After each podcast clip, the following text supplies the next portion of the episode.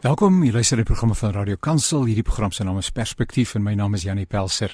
Net 'n vriendelike nota dat die uh, menings wat uitgespreek word in hierdie program nie noodwendig die perspektief van Radio Kansel weerspieël nie, maar dit word uh, uitgesaai, dit word uh, aan die voorgehou sodat jy ingeligte besluite kan neem.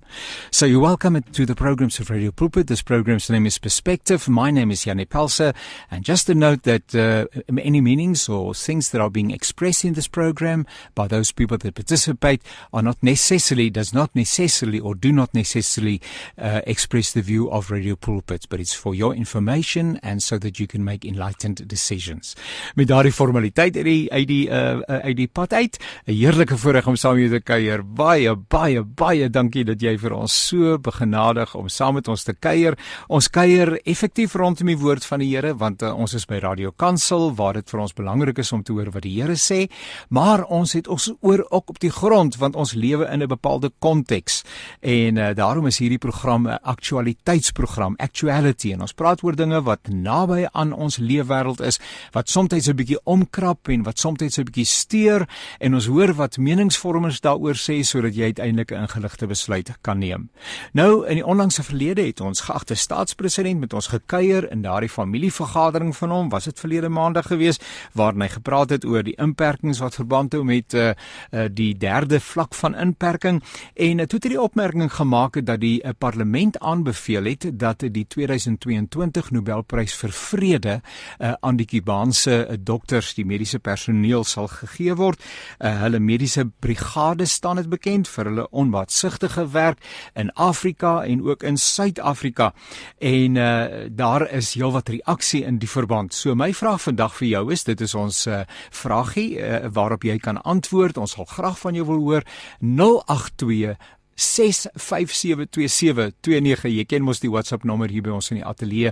Wie sou jy nomineer vir die Nobelprys van vrede in die jaar 2022 indien wel die Kubaanse eh, mediese personeel, dan is dit goed so, dan sê jy ja, ek stem saam. Indien nie, dan kan jy sê wel ek voel dat ehm um, nou ja, wie ook al, jy het mos jou eie bedoeling en jou eie idee. Wie sou jy wou nomineer uh, vir uh, die Nobelprys van vrede? As jy wil, kan jy 'n lyntjie byskryf om dit te motiveer. Hou dit lekker kort en vertel vir my wat jou naam is. Yes, our number in the studio is 0826572729 0826572729 729 and I would like to invite you to participate because you have your own ideas and we would like you to express your ideas. It's yours and you have a right to express those ideas if we do it stylishly like our Lord Jesus Christ would have done it. Our state president during the last week uh, when he spoke to the nation, uh, he said that Parliament has decided to nominate uh, the, uh, uh, the, the the Cuban Medical Brigade for the work uh, for for the Nobel Prize of Peace 2000, 2022, 20,000, 20,000, 2022. Oh, goodness gracious me. 2022. Please don't nominate me because I'm going to, I'm not going to get it right. 2022, the Nobel Prize, uh, Peace Prize. And he said that Parliament decided to nominate the Cuban doctors, the medical brigade for the work that they've been doing in Africa and especially also in South Africa, especially during last year when a number of them came to visit this country and do some work here. I wonder whether you agree. If not, would, be, it would be nice to hear from you. Send us a note. Tell us what your name is and then your nomination for the Nobel Prize, uh, Nobel Peace Prize. It would be nice to hear from you. And uh, just a couple of lines. Don't keep it, just keep it short so that we can give as many people an opportunity to express their view uh, as possible. Maar dis 'n voorreg om saam te kuier. Natuurlik, COVID is eintlik maar nog uh, groot nuus, hoofnuus en ons sluit ook graag uh, daarbey uh, aan. So uh, ek uh, het die voorreg om te gesels met 'n uh, Wilma Piek en uh, kom ons hoor net of Wilma uh, met ons wil gesels. Hallo Wilma. Hallo Jannie. Ag, dit is lekker om met jou te kuier. Ek vertrou dit gaan met jou kloptusselboom. Ja, nee, dit gaan elke dag al hoe beter met my. Ek praat amper weer so baie soos ek gepraat het voor ek siek geword het. en die arme Etienne of hy seker baie baie dankbaar, nê? Nee? Ja, nee, ek glo hy is. Ja. Um, maar ek dink vir oor 'n tyd tog nou weer, jy weet. Ag, sies tog nou ja. Wilma, jy het ai dit is 'n uh, is 'n is 'n hartseer uh, toestand waarin ons onsself bevind. Baie mense uh, uh, oorleef nie uh, COVID-19 wanneer hulle daardie ernstige komplikasies ontwikkel en dies meer nie. Jy was baie baie baie siek en deur die genade van die Here het jy uh, aan die ander kant uitgekom. Maar ons wil graag by jou leer op jou hoor. Vertel 'n bietjie uh, uh, jou julle ervaring rondom COVID-19 en die siek word daarvan die simptome, daai tyd in die hospitaal uh, wat jy ag so bietjie asseblief help vir ons ja. daarmee. Ehm um, Janie, weet jy, ek dink ehm um, kyk ons hierdie was net nou al die, die tweede golf van COVID. Ja. Ehm um, tydens die eerste golf, ek is 'n maatskaplike werker en ehm um, ek werk vir die WRCID. Dis nou 'n ander moeilike ding om te verstaan, maar in kort werk ek spesifiek met haweloses. Ja. Ehm um, en um, ons het in daai eerste lockdown het ons saam met mes baie hard gewerk en vir die haweloses kort gegee. So ons het nie een in daai tyd regtig siek geword en dan was een van ons mense En jy weet ons het maar net almal gesê, jy weet kom ons gaan net voort. Ons tref die nodige reëlings wat die mense die hulp nodig. Ja, natuurlik. En toe nou met die tweede golf, um, ek dink ek was ons, jy weet ons het ook geweet dit is gevaarlik en so. Maar dit was spesifiek in die tyd rondom Kersfees en die 12de uh dit was die 13de Desember het ons onder andere vir die um, straatkinders en die weerlose kinders um saam met klomp vennote 'n kerspartytjie gegee en ek dink dit is waar van ons um, toe mekaar dalk aangesteek het. Ons was na die tyd se vier mense wat positief getoets het van die vrywilligers daar wat deel van daai vier. Ja. En ehm um, ja, en dit het my omtrent so 'n week gevat voor ek begin simptome toon het. En ehm um, dit het begin met 'n bietjie lae rugpyn. Ek was uit die aard van die saak al baie moeg teen daai tyd van die jaar want ons het nou nie regtig 'n lockdown soos die meeste ander mense nie. En ehm um, dit was toegeskryf aan dis maar jy weet dis gelukkig amper die einde van die jaar vakansie so ons byt van nog vas. Dis reg ja. En ehm um, toe die Vrydag die 17de ehm um, jy weet dit ek begin ehm um, sleg voel en ek het vir die volgende dag dokter toe en um, sy het my toe gediagnoseer met blaasontsteking. Ja. Ehm um, en vir my natuurlik voorskrifte gegee en teen die maandag was dit nog nie beter nie. Ehm um, ek het 'n koors gehad, ek begin naar word, die medikasie het nie gehelp nie. Ek het toe vir 'n COVID swab, ehm um, ek het dit eintlik sommer self gedoen want ek was ook deel van die eksperiment vir die ehm um, inenting. Ehm um, nou voor almal nou dink dis haar een wat my siek gemaak het en um, die verduideliking dat ek glo ek wel siek geword het is ek dink nie ek het iemand ek was daar's 'n kontrolegroep en dan is daar 'n groep wat wel die end gekry het. Ja. So uit van al van die saak het ek seker nog nie die regte end gekry nie. Ja. Maar ehm um, ek het nou maar net al seker geword en ehm um, Woensdag het hulle vir my laat weet ek is positief en uh, ja, toe hier die, die dag voor Kersfees baie erg kopseer gehad, begin hoes bietjie dizzy gevoel. Ehm um, en hoë koors ook gehad en um, en hier van van die 24ste af het ek ook begin sukkel om asem te kry. Ja. Maar nou nie so erg nie. Jy weet dat ek nou wil doodgaan nie, maar ja. gelukkig was deel van daai daai eksperiment en um, jy weet moet ek elke dag ook vir hulle my simptome stuur en ek moet elke dag my suurstofvlakke toets met daai oksimeter en my koors meet. So hulle het my die hele tyd ook dopgehou. So dit ja. was eintlik in my voordeel om deel te wees daarvan, maar in elk geval ek is toe op die ou einde um Kersfees Kersdag self was ek regtig siek en sê die 26ste baie laat die nag eintlik vroeg die sonoggend het my man my toe vergeleë in um, kliniek toe gevat na die noodgevalle afdeling want toe wys my suurstofvlakke hier by 80 nou Hulle sê gewoonlik lyk like my as jy so 90 slaan dan begin hulle al bekommerd te raak, maar op daai stadium was die hospitale so vol ja. dat hulle regtig nou maar net die meer ernstig is kon opneem. Ja. So teen die tyd dat ek nou by die hospitaal gekom het, dit is nogal 'n uh, scary. Ja, ja. Want jy kom daar al 'n jaar terug na jou kar toe en dan moet jy maar sit en wag. Ja. En dan kom hulle en hulle meet op jou koors en so en ek dink dit was my suurstofvlakke so 89 Ja. En hulle het my toe sommer net dadelik opgeneem En aanvanklik jong ek het, was baie positief. Ek het vir almal laat weet die ongevalle dokter sê ek gaan net so vir 2 dae bietjie op suurstof moet wees. Ja. Daai suurstof druk hulle hier in jou neus en dis heerlik want dit is koelig en jy weet jy voel jy kan weer asem kry. Ja. Maar nou ja, dit het nou nie so geloop nie. Ek het toe maar net al seker geword my ehm um, my suurstofstellings wou maar net nie bo bly nie. En ehm um, uiteindelik het hulle my toe aanvank uh, aanvanklik wou hulle my oorplaas ICU toe. Ek dink dit was hier by die 28ste rond. En teen daardie was dit nou al die goedjies in jou neus en die suurstofmasker, maar daar was nou nie plek in ICU op daai stadium nie, so ek moes maar net 'n bietjie vasbyt en toe my man begin nou die mense almal op Facebook en oral almal wat hy kon aan die hande kry om vir my te begin bid. En um, ek het nou plek in ICU gekry. Ek was daar tot die 1 Januarie. Ja. En daai tyd het die dokter gereeld gesê hulle sal my dalk op 'n ventilator moet sit. Ek dink daar was op die stadium ook nie regtig een beskikbaar nie. Maar ehm um, ek was nogal jy weet ek het gevoel ek gaan ek wil regtig nie op 'n ventilator gaan nie. Ek het ook gevoel die Here ehm um, gaan my gesond maak. Ehm um, en um, daar was spesifiek mense in Ierland wat vir my gebid het wat vir my man laat weet het hulle bid en hulle bid spesifiek dat ek nie op 'n ventilator moet gaan nie. So ek weet nou met een of ander rede is ek 'n vreeslike vrees vir ventilator gehad. Ja, ja. Maar ek is so op die ouende het ek hier by die 1 Januarie het ek um regtig 'n 'n wonderbaarlike draai gemaak. En um daai dag het hulle ook my dogter toegelaat om my te besoek. Hulle het vir my man op die 29ste toegelaat. Ehm um, my seun sou die tweede gekom het want hy is verjaar die 2 Januarie, maar teen daardie toe sit weer intussen in die algemene saal waar geen besoek toegelaat is nie. Maar ja, en toe was ek nou in die algemene saal tot so die 4 eh, Januarie het hulle my toe ontslaan en um, toe kon ek huis toe kom.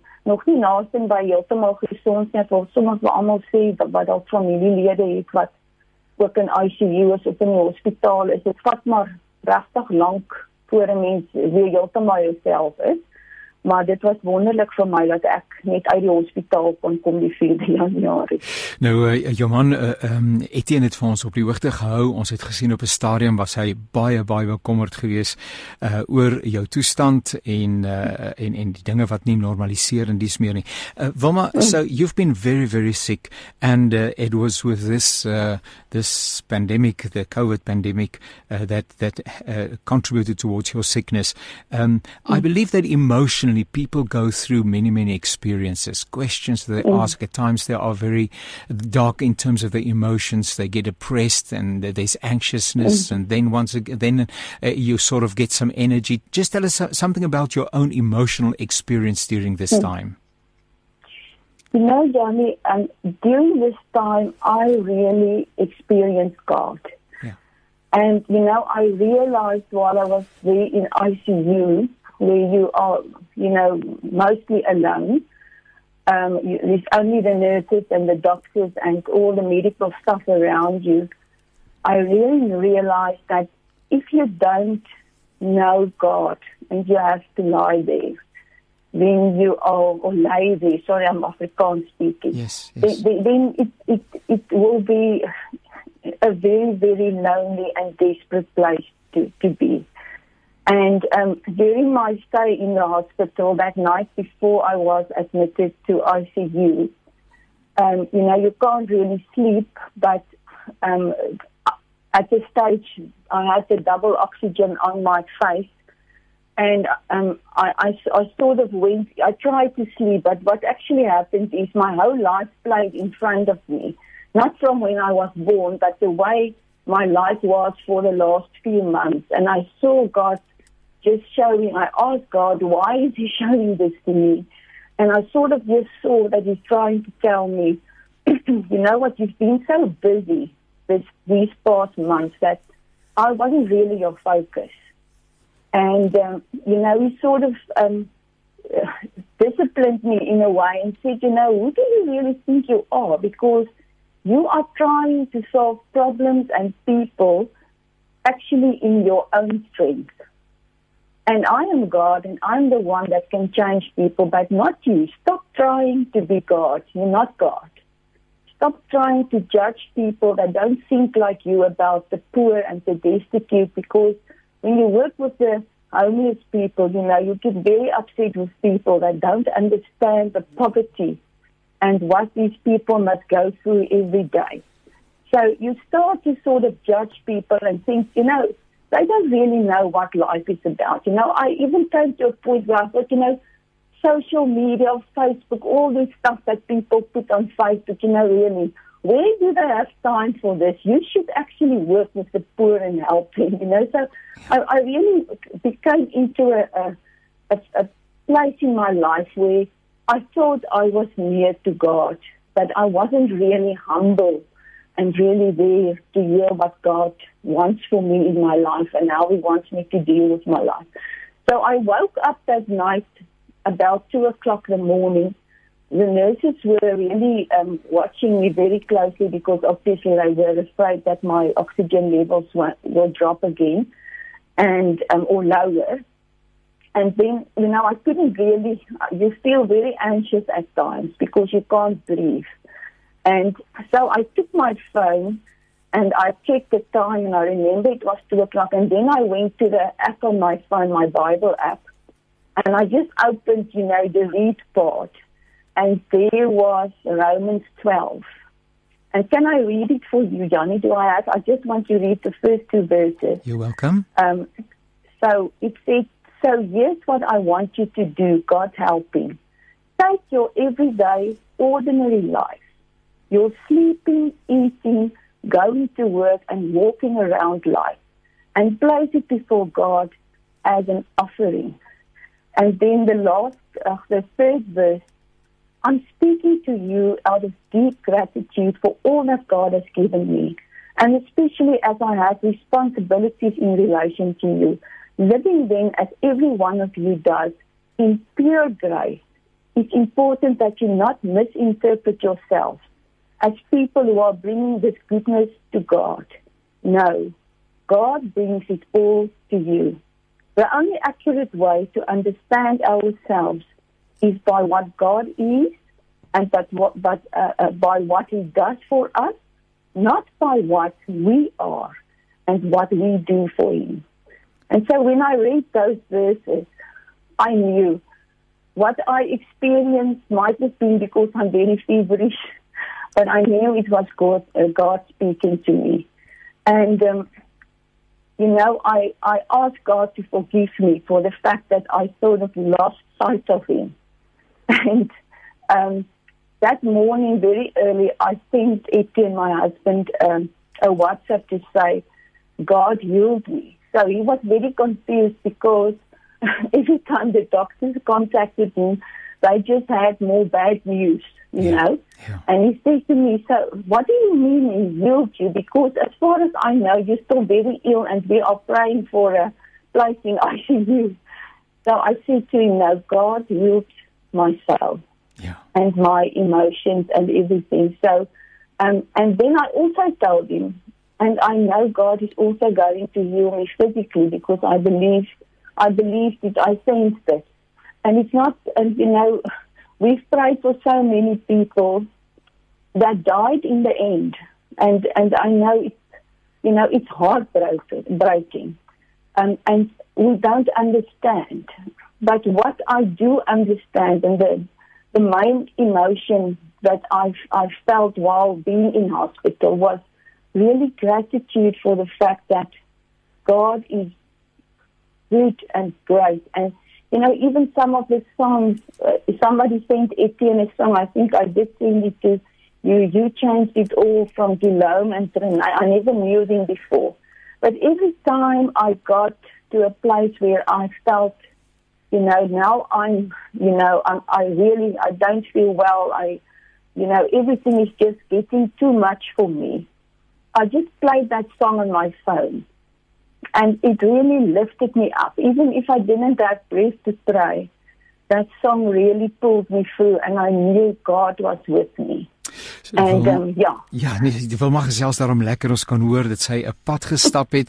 Die Here met haar 'n pad gestap het. Sy beloftes is waar. Hy sal ons nooit begewe en ons nooit verlaat nie, selfs in die moeilikste omstandighede. Psalm 23: Al gaan ek deur 'n dal van doodskade weer, U is by my, nê? Nee? Uh God wat ons nooit verlaat nie, wat ook hierdie omstandighede gebruik uh om steeds in ons lewens werksaam te wees. Baie baie dankie Wilma vir jou baie kosbare getuienis. Net uh, uh my gespreksvraagie vandag aan ons luisteraars was na aanleiding daarvan dat die staatspresident gesê het parlement het besluit om uh, die Kubaanse dokters wat hier gewerk het en in Afrika om hulle te nomineer vir die 2022 Nobelprys vir vrede. En uh nou ek vra vir ons luisteraars wie sou hulle nomineer? Uh so ek wonder nogal wie sou jy wou nomineer uh vir so 'n vredesprys? Uh, weet jy Jan, ek sou eintlik al die mediese mense wil nomineer. Ja. Want ehm um, uh, uit die aard van die saak is daai kibaanse mense kom doen dit in 'n ander land, so dit is wonderlik, maar uh, in my tyd veral in ICU het ek net besef hierdie mense, veral in daai tyd waar daar so baie mense in die hospitaal was, ehm uh, die wat hulle doen en wat hulle opoffer en die trauma wat hulle moet deurgaan want daar het daar's baie mense dood gegaan wat ja. hulle verpleeg het. Ja. So ek dink eintlik alle mediese mense moet genomineer word. Inderdaad, Wilma baie baie dankie. Nee, ons hoor jou woorde is terug en uh, en die emosie is terug. Ons is dankbaar dat die Here vir jou ook op hierdie pad gelei het. Sterkte vir die mooi werk wat jy doen vir al onder mense wat hulpbehoevend is, wat swaar kry en dankie ook vir die lesse wat jy geleer het en wat jy met ons gedeel het waaroor ons nou weer kan nadink en 'n besonder ook daai besondere verse uit Romeine hoofstuk 12, daai eerste paar verse. Ek vermoed dit was die message vertaling, nê? Nee. Dit ja, ja, die messies vertaling. So ons luisteraars kan ook dit gaan lees. Seënwense en groete vir Etienne, hoor.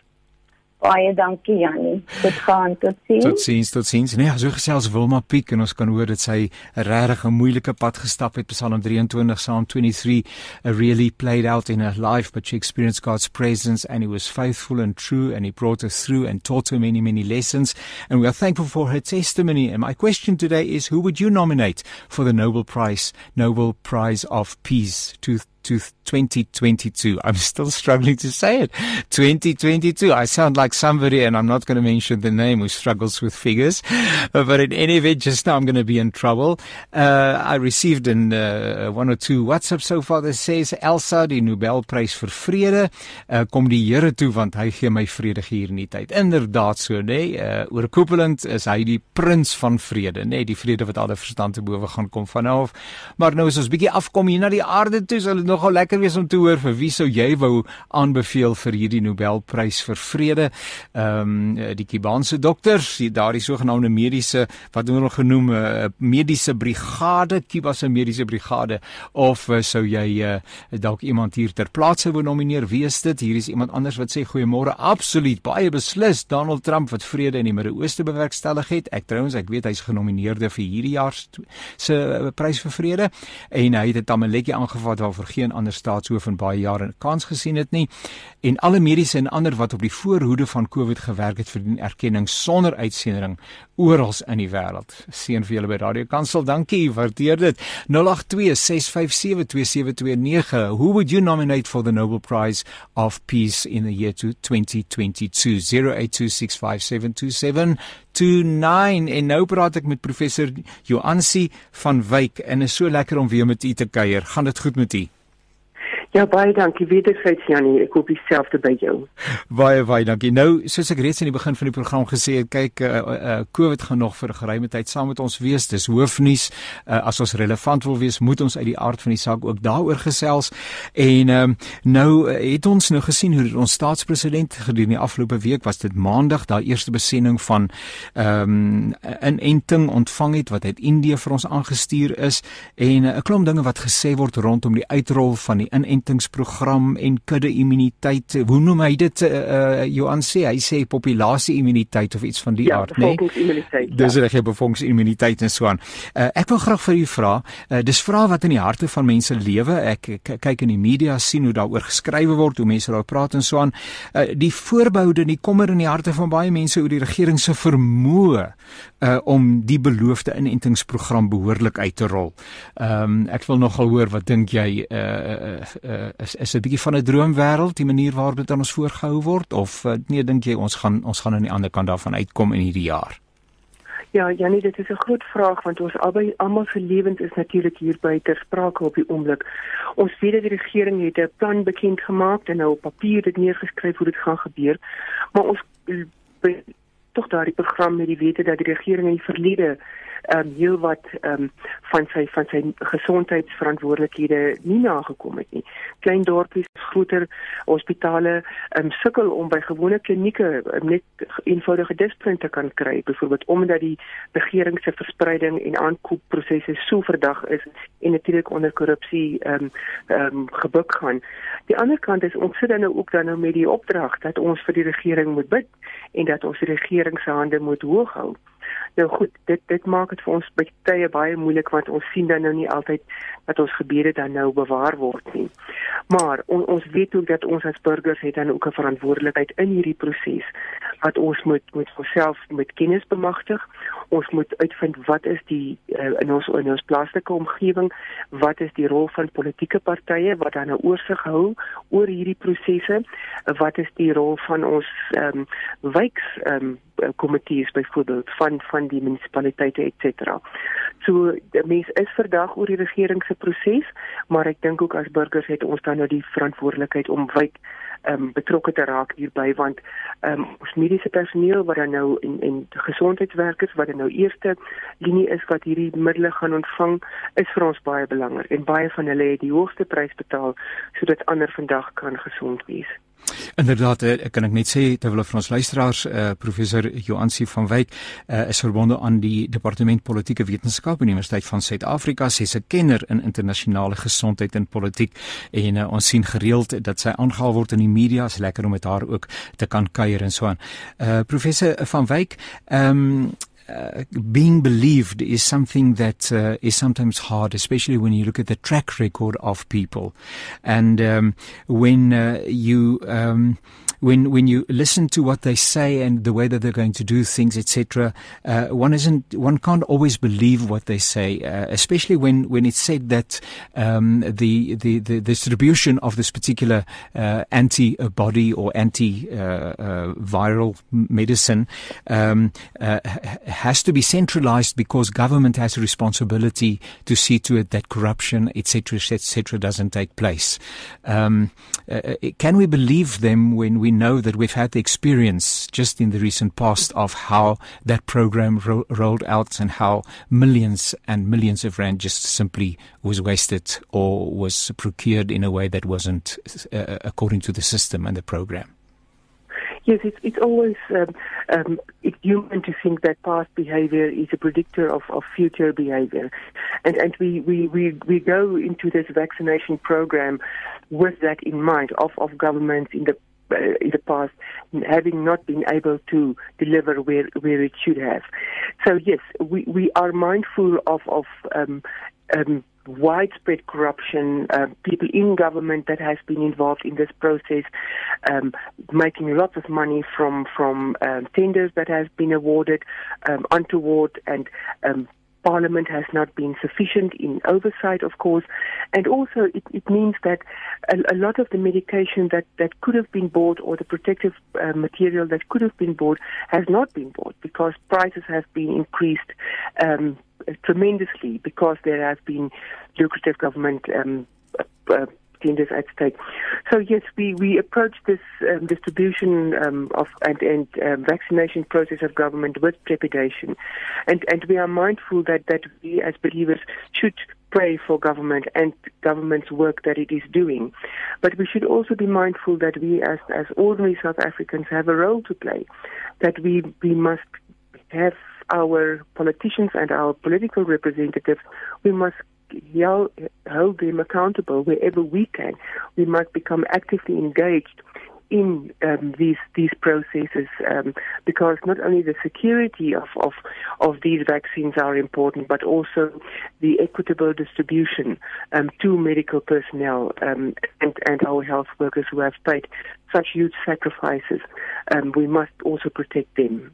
Dit klink vir my en lyk vir my dit is maar in die aard van die mens nie. As ek nou dink ek praat bietjie later weer met Barend Eis uh, en hy is die navorsingshoof daar by AfriForum met betrekking tot die ehm um, die voorleggings wat hulle aan die howe gemaak het oor Ivermectin en die bediening daarvan. Uh, maar sedert daai saak op die tafel gekom het, uh, is dit nou 'n swartmark aangeleentheid uh, en het die pryse daarvan buitensporig geeskaleer en met ander die oomblik wanneer daar 'n krisis is, dan is daar hierdie klomp jakkalse in wolwe wat nie kan wag vir die geleentheid om dit uit te buit en persoonlike verryking die hoogste prioriteit te maak terwyl uh Jan publiek doodgewone mense daagliks sterf. Ehm um, maar uh, maar en ons het dit gevind by ons owerheid en ons vind dit ook by doodgewone lyk like vir my mense want op die oomblik word uh, ivermectin nie deur die owerheid versprei nie maar uh, ja. oornag het dit doodgewoon het uh, ontaard in 'n uh, ek wil sê in skelmstreke. Ja, ongelukkig Janie, as ek miskien net kan voor uh, teruggaan na jou vorige vraag rondom ja. die sentralisering daarvan. Ja. Um ek nie answer that in English because the question was in English. Yes. Um um if uh, please do that before I answer your one on on ivermectin. Um what has happened is is that government is trying to to to control the whole process. Um some see it as government's test for the national health insurance program that it is course, yes. um, wanting to, to, to implement. Um, but we know that there are certain services that government in um, consultation and with the assistance of the private sector can deliver much better. Um, we, we know that government has identified 200 centra throughout the country where um, these uh, vaccinations can take place. Ideally, these should be then with the, the, the assistance of the private sector. Not only will that empower um, communities will also stimulate the economy, but there will also then be greater oversight um, on this. Om net terug te kom na jou vraag rondom die die skelmstreke en die parallelle goede wat nou rondom beweeg um, rondom die enstowwe. Ek dink dit is ehm um, dit is in die mense aard om om ehm um, ja, om hierdie gulsige element, ons weet dis een van die sewe doodsondes ja. um, om dit nou maar op te bring. So ja. is dit ongelukkig. Ja. Dan ons toe 'n slegte deel van ons menswees en iets wat ons natuurlik elke dag beveg of moet beveg, dis ons Bybelse opdrag. Die ander kant is natuurlik ook dat ons moet op ons moet waaksaam wees, ehm um, want hierdie ding raak ons almal op verskillende maniere. Of jy dan nou um, iemand aan die dood um, afgestaan het of by iemand se siekbed moes nie kon gestaan het nie of dan nou self daardeur is um, skelmstreke vererger net hierdie proses. Dit reik die proses om die middele te kry verder uit om beheer en en om ehm um, namaaksels te verkoop of wat ook al is natuurlik alles goed wat hierdie uh, pandemie vir ons gaan uitrek. Ja, ons kan nie die staat ten volle vertrou om alles reg te doen nie. Ons weet hulle het nou al hulle self bewys as onbetroubaar in baie opsigte, maar ons weet ook die burgerlike samelewing het 'n rol en ek is bly oor hierdie hofsaake die pogings van die burgerlike samelewing hieroor. Die die probleem is ook net ons moet onsself opvoed. Ek is nou nie kundig op die wetenskaplike aspekte nie, maar ons moet ook weet dat ivermectin is dalk 'n risiko, maar ons weet ook dat die enstowwe wat ons ontvang is is goed wat onder 'n geweldige druk ontwikkel is wat ons um, nou moet gaan toets. Ons weet dat hier variante in Suid-Afrika wat ons ook nie 100% weet wat die impak van die mediese middele gaan wees nie omdat dit ontwikkel is voor hierdie variante bekend geraak is. Die punt is net ons moet mekaar help. Ehm um, hierdie goed is alles nog ehm um, onder toetsing onderworpe en guldigheid gaan ons ons ekonomiese ehm um, ehm um, um, afname en en um, situasie verder ehm um, versleg. Mense gaan desperaat middele wil koop ten duurste of dan nou wat namaaksels is of wat nie werk nie. Ehm um, maar as burgerlike samelewing moet ons ook saam staan dan nou om hierdie uitdagings te hoef te bied. Dis professor uh, Joansie van Wyk, uh, sy is 'n kenner in internasionale gesondheid en politiek uh, verbonde aan die departement politieke wetenskap Universiteit van Suid-Afrika. Net 'n laaste vraag en baie baie dankie vir u deelname soos altyd. Uh, my gespreksvraag hou verband met die aankondiging van die uh, staatspresident op parlement aan wil aanbeveel dat die Kubaanse dokters dan nou die uh, Nobel uh, prys vir vrede in 2022 sal ontvang. Uh, nou ons almal het het het, het uh, gunstelinge of mense wat ons voel of instansies, organisasies wat ons voel verdienstelik is. Uh, ek sal nogal wil hoor in die eerste plek baie kortliks net u u u u gedagte rondom hierdie aanbeveling van parlement hoe dit in u menswees sit en daarna's uh, wie sou u wou aanbeveel indien dan nie die mediese brigade van Kuba nie. Ja, dit is natuurlijk ook een moeilijke vraag. maar maar dus wat ons dit, die strak vraag is, is een vraag die het interessant maakt. Goed, um, ik denk dit is niet een nieuw idee bij de regering. Um, natuurlijk nou weet niet, andere partijen, andere landen, andere organisaties, die Cubaanse diaspora, heeft in die ek verlede jaar byvoorbeeld die brigade genomineer um, vir die Nobelprys vir vrede. Die nominasies het nou die 31ste Januarie gesluit. So ons sal nou sien wat gaan aan. Ons regering het nou dit lyk my die snydatum gemis. Ek is nie ten gunste daarvan dat ons dit doen nie, want dit was nie net die Kubane wat 'n verskil gemaak het nie. In die eerste plek sal ek lê dat ons um, ons regering moet ons mediese personeel en gesondheidswerkers ehm um, aanbeveel. Ehm um, miskien kan 'n mens sê wêreldwyd moet dit gebeur dat die die gesondheidsprofessie as sodanig moet moet hierdie moet hierdie ehm um, bekending kry. Ek sou gedink het of ek wil graag hê dat ons regering dan die erkenning in die eerste plek moet gee vir ons gesondheidswerkers. Ehm um, dit is 'n politieke besluit. Ons weet dat hierdie brigades werk reg oor die wêreld, maar ons weet ook dat hulle eie regering doen dit as 'n werkskepingsmanier. Ons weet dat die brigade in Suid-Afrika doen dit nie verniet nie. Ons betaal honderde miljoene rande uh, vir die diens wat hulle lewer, so hulle doen eintlik maar net hulle werk. Uh, maar dit is dan ook 'n politieke ding in die terme van die sosialistiese lande lyk like my. Ehm um, ondersteun hierdie uh, erkenning dan vir die Kubane en dit lyk my dat dit ook dan nou ehm um, internasionale solidariteit onder um, meer sosialisties georiënteerde lande is as as Christene is my vraag ook dit is 'n land wat godsdienstvryheid baie beperk is waar demokratiese vryhede baie beperk is. En ehm um, ja ek ek dink die die die romantiek rondom die Kubaanse revolusie duur voort maar min mense het Kuba besoek om te sien hoe hierdie mense leef. Ek was self in Kuba dit is nie 'n ryk land nie dis nie voorspoedig nie. Daar is vrede in daardie land maar dit kom ook teen 'n prys So gesels uh, professor Joansi van Wyk baie dankie. Ons kuier weer in die toekoms. Dis 'n heerlike voorreg om met u gesels. Bly asseblief gesond, pas jouself mooi op en uh, baie baie seën vir u. Baie dankie vir die voorreg. Totsiens. Dankie totsiens. Nou ja, uh, wie sou jy nomineer vir die uh, 2022 uh uh Nobelprys vir vrede? Hier is iemand wat 'n uh, tong in die kies sê seker maar. Uh, want dan kom so 'n gesiggie met sulke traantjies. Jy weet mos daai emojis, wat noem hulle daai goedjies nê, nee? emojis of wat wat se goedjies ook al wat hulle so onder die boodskapies sit en daar staan môre ja, ek sal die COVID virus nomineer uh want tydens die lockdowns was moord en geweld drasties af. So. nou ja, dis ek 'n manier om daarna te kyk. Uh maar uh nietemin uh ons gaan nou lekker gesels uh weer 'n keer met Barend Eys. Hy is die navorsingshoof daar by uh Afriforum en uh, ons het verlede week bietjie gesels oor uh die hele saak rondom Ivermectin. Uh daar's word baie oor geskrywe. Uh mense se emosies is gaande in die verband. Daar word baie dinge gesê, aansprake gemaak aan die een kant word uh, gryp mense na die geleentheid want daar's 'n gevoel van desperaatheid aan die ander kant waarsku die owerhede en sê maar uh, dit moet uh, met verantwoordelikheid plaasvind nou ja kom ons hoor wat is die status van hierdie gesprek uh, Barend is jy op die lyn? Is jy daar my broer? Ek is hier Janie. Dis lekker om saam te kuier. Dit gaan goed met jou? Ja dankie Janie. Daai kant? Dit gaan goed dankie. Maar jy is baie besig nê? Nee? Ja nee. Maar is dan positiewe en goeie dinge waarmee jy besig is, nê? Nee? Ja nee, met die hulp van ons lede natuurlik. Ja, inderdaad. Uh, Barend, uh, die die saak ek het nou net raak gelees of raak gehoor dat uh, so so onlangs as gister uh, daar weer uh, verdere verwikkelinge was in uh, die uh, die die die ondersoeke, die vrae, die navorsing, die uh, vertoë, die hofsaake, noem dit maar op en dis meer oor die gebruik al dan nie van Ivermectin en uh, Afriforum staan in die voorpunt uh, daarvan onder andere. So, vertel vir ons asseblief, wat is die huidige stand van sake? So Jannie, wat gister gebeur het is um, ons het 'n byooreenkoms met SAPRA 'n hofbevel gekry.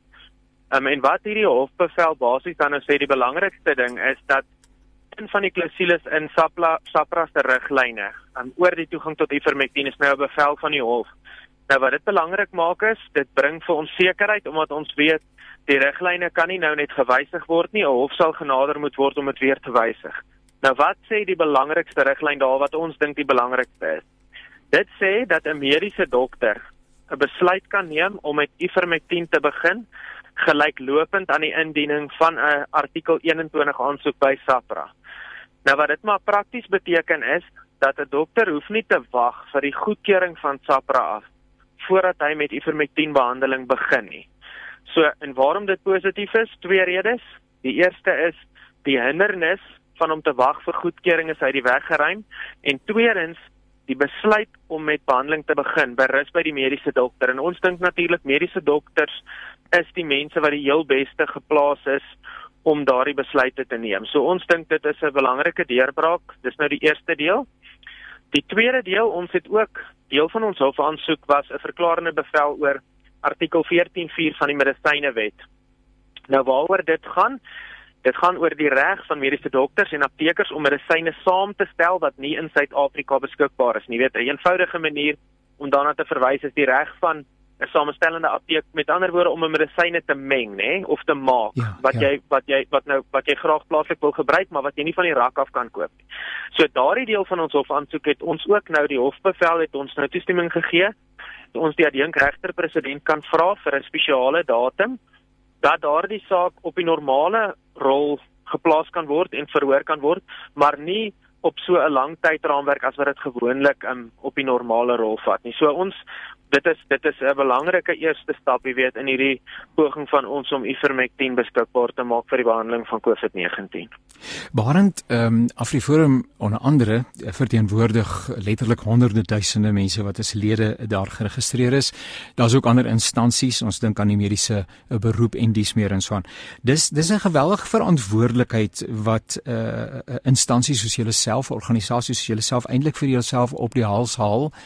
Ehm um, omdat uh, ek dink baie mense uh, nie hulle eie navorsing doen nie. Ehm um, hulle luister na na mense wat gesagvol optree en wat gesag het in hulle oë en die uitsprake wat hulle maak, die is dan nou 'n groen lig of 'n rooi lig. Uh, uh bittermin is dit 'n geel lig. Dis meestal 'n groen lig of 'n rooi lig en en die ouens gaan daarvoor of nie.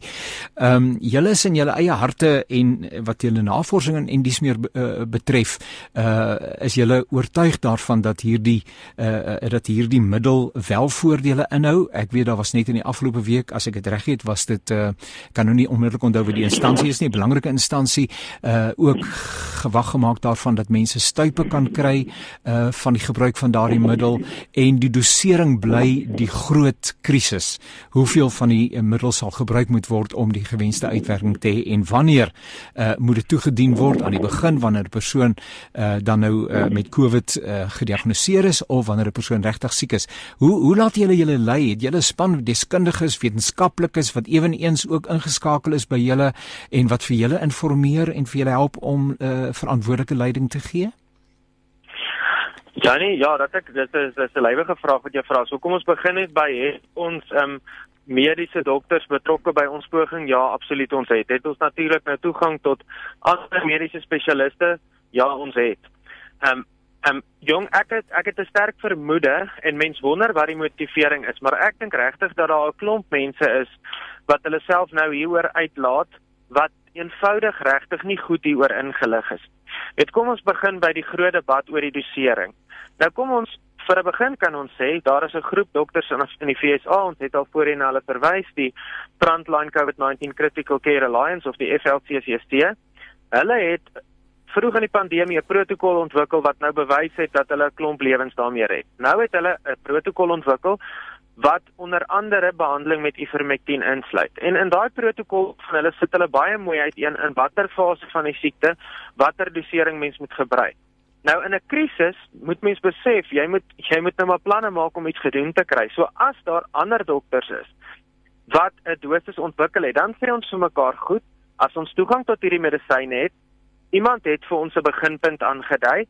Kom ons gebruik dit en ons kyk hoe dit werk. Natuurlik as jy die vryheid het en jy die toegang en jy kan dokumenteer wat jy besig is om te doen, kan mens natuurlik sê, maar kom ons stel 'n bietjie ondersoek in na verskillende dosisse. Natuurlik is daar al baie werk gedoen op verskillende dosisse. Dis dis toevallig genoeg een van die stukke kritiek wat op die studies gelewer word. Daar word gesê ja, maar daar's van baie verskillende dosisse gebruik gemaak.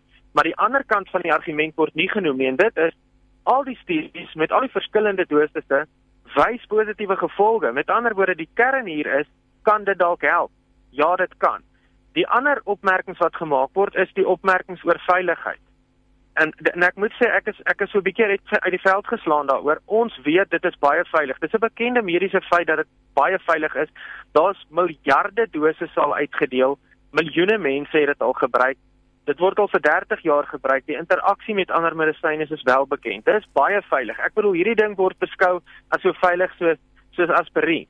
En dan kan ons vir mekaar sê, natuurlik as jy enige medisyne, as jy oordoseer, is dit veel gevaarlik.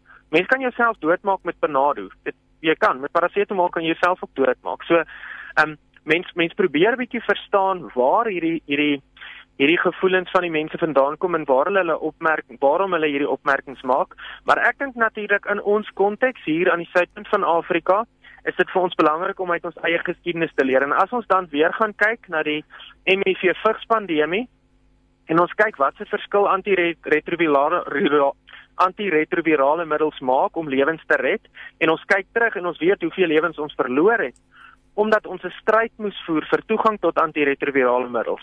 Dan sê ons ons is nou op 'n soortgelyke plek. Hier is 'n pandemie wat regtig baie mense doodmaak, baie trauma veroorsaak. Hier is 'n baie veilige goedkoop medisyne beskikbaar wat potensiaal wys om te help. Dan het ons as die burgery en instellings soos Afriforum kan ons nie. Ons kan nie stil sit en sê ons ons laat dit maar aan ander mense se hande oor nie. Dan het ons 'n plig om te sê, maar hier is iets wat potensiaal wys wat ons weet 'n lae risiko is.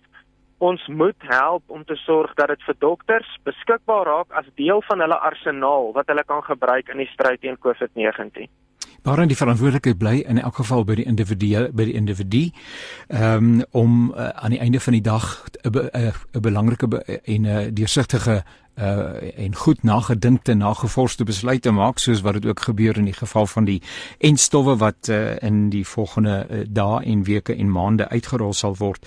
Ehm um, sou sou mense Afriforum kon skakel en sê kan ons korrespondensie in die verband by julle kry. Uh navorsingsstuk of iets van daardie aard. Is daar enigiets voorberei wat vir mense inligting kan gee of waar kry hulle inligting? Ehm um, Jannie, ons het 'n ons het 'n webblad geskep. Ehm um, dit is maar net Afriforum ivermectin.co.za so dis net aan mekaar Afriforum ivermectin die Engelse spelling.co.za en daaroor is daar twee dinge beskikbaar. Die eerste ding wat ook belangrik is om te noem is as mense tans enige uitdagings ondervind met die artikel 21 aansoeke by SAPRA vir ivermectin dan kan hulle dit daar vir ons aanmeld sodat ons kan monitor wat besig is om te gebeur. Dis die eerste ding.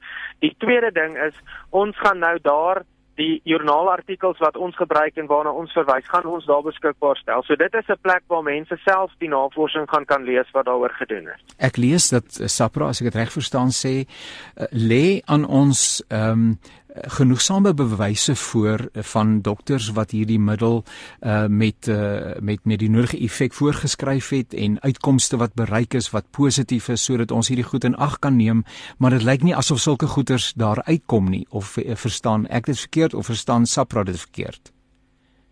Ja nee sien die vraag vir my is Um, my antwoord op SAPRA sou wees man man niemand is veronderstel om hierdie goed vir julle aan te dra nie. Dit is julle werk om dit self te gaan kry.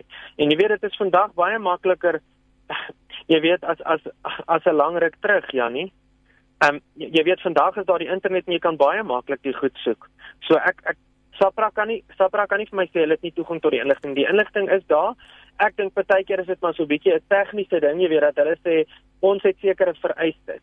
Maar jy weet nou moet hy ook sê wat is genoegsame bewyse en dan kan kan ons natuurlik gelyklopend vra die middels wat tans gebruik word om pasiënte te behandel wat COVID-19 het soos byvoorbeeld 'n middel wat ontwikkel is om om iemand te help wat die Ebola virus opgedoen het. Hoeveel studies is gedoen en watse bewyse is daarvoor om dit vir COVID-19 te gebruik, nê? Nee. So mense moet net as jy as jy oor een middel iets wil sê, dan moet jy net oor 'n ander middel ook iets sê.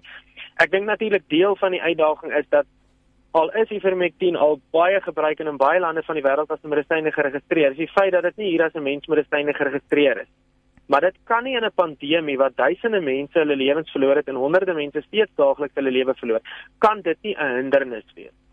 Uh Baren een of twee net 'n uh, laaste vraag. Uh dit is natuurlik tragies dat ehm um, uh, dat dat die middel, kom ons veronderstel dat dit wel beskikbaar gestel behoort te word en uh dat mense dit kan gebruik en dat dit voordele het dat dit natuurlik oornag uh enorm geeskaleer het op die swartmark. Die pryse is geïnfekteer uh, uh, of inflekteer wat is die regte woord. Uh sodat dit bykans onbekostigbaar uh, geword het. Uh, nou ja, dit moet deur 'n dokter voorskryf word en hy kan seker dit bekom kom, maar dit openbaar iets van die aard van mense nie waar nie dat ons eintlik inherent en ek wil nou maar sommer soos 'n Daniel van ouds myself identifiseer met met die mense dat ons eintlik inherent maar selfsugtig is en nie regtig vir mekaar omgee nie. Kyk Jannie, ek ek dink as ons dit is ons raak nou geloof aan, maar ek dink ons weet ons ons is maar almal sondige mense en ons het verlossing nodig, né? Nee? So dit is so dit is die aard van die mens. Maar dan is natuurlik is ons nou mense wat in die in die werklike wêreld hier leef, jy weet, hierdie is die wêreld, dis nie die hemel nie. En daarom moet ons sê maar goed dan dan moet ons prakties wees, né? Nee? Ons ja. moet prakties wees. En nou kan ons sê as daar 'n swartmarkprobleem is, die enigste manier om 'n swartmarkprobleem op te los is om dit wettig beskikbaar te maak. Ons weet as jy drank verbied, dan is daar 'n verskriklike swartmark vir drank en ons vreeslike pryse. Presies dieselfde het gebeur met tabak en nou presies dieselfde gebeur met medisyne. So die enigste, die enigste oplossing vir die swartmarkprobleem en daar's baie ander risiko's as prys. Jy kan nog If jy dink jy kry ivermectin, jy kry heeltemal iets anders. Ja. Die enigste manier om dit te ja, die enigste ja. manier om dit te bestuur is maak die produk op 'n sinvolle manier wettig beskikbaar. Warend, jy is goed uh, onderlê en gesels baie lekker. Net 'n laaste vraagie, dit was ons gespreksvraag vandag gewees. Uh, ons het gehoor dat ons staatspresident sê hulle wil daardie mediese brigade van Kiba aanbeveel vir die Nobelprys vir vrede in 2022. Uh, ek ek weet nie hoe jy daaroor voel persoonlik nie. Uh, wie sou jy wou nomineer? Ehm um, ek dis nou nie namens Afriforum wees nie, maar in jou eie mens wees. Wie sou jy dink is uh, sou jy die geleentheid hê om iemand te nomineer? Wie sou dit wees?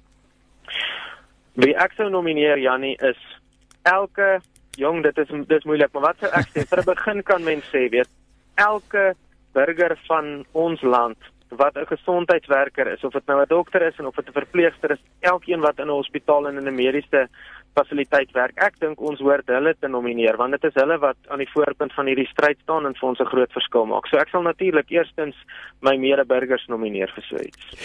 Waarin seënwense baie dankie vir die werksaamhede waarmee julle besig is. Ek weet daar's verskeie ander fronte waarin julle ook ehm um, 'n bydrae lewer en uh, met uh, hofsaake en ander soort van voorleggings besig is. Sterkte en seënwense vir dit waarmee julle besig is en bly gesond hoor. Baie dankie aan hierdie selfde vir jou en die luisteraars. daarmee het ons aan die einde gekom van hierdie aflewering van Perspektief. Ek herinner dat uh, dit gegee word uh, hierdie saamgesels, hierdie gedagtes sodat jy ingeligte besluite kan maak. Radio Kansel onderskryf nie noodwendig enige standpunt wat in hierdie program gestel is nie, maar dit is 'n aktualiteitsprogram en ons kan nie anders as om meningsvormers in die samelewing aan die woord te stel nie. I just want to remind you that Radio Pulpit does not take responsibility for anything that has been said or shared in the same that this is the official standpoint of Radio Pulpit. Not, no, this is not true. What what happens is this is an actuality program. We give people an opportunity to voice their concerns, their ideas, their beliefs, etc., etc., so that you ultimately can make an informed decision. But we would like to be contextual. We would like to be actual, and uh, we want to stay close to what is happening in this beautiful, lovely, wonderful country of South Africa. En ek wil onderskryf wat uh, professor Joa, jou uh, aansie uh, van Wyk gesê het, ons moet bid. Natuurlik, ons is baie krities soms met reg ook so, ons het 'n verantwoordelikheid, maar bid ons vir ons regering, vir amptenare, vir ons ministers en vir mense wat groot verantwoordelikheid in die verband dra. Dis lekker om saam met te kuier, hoor. Ons maak volgende week weer soos die Here ons spaar. Seënwense, pas jou op en bly gesond.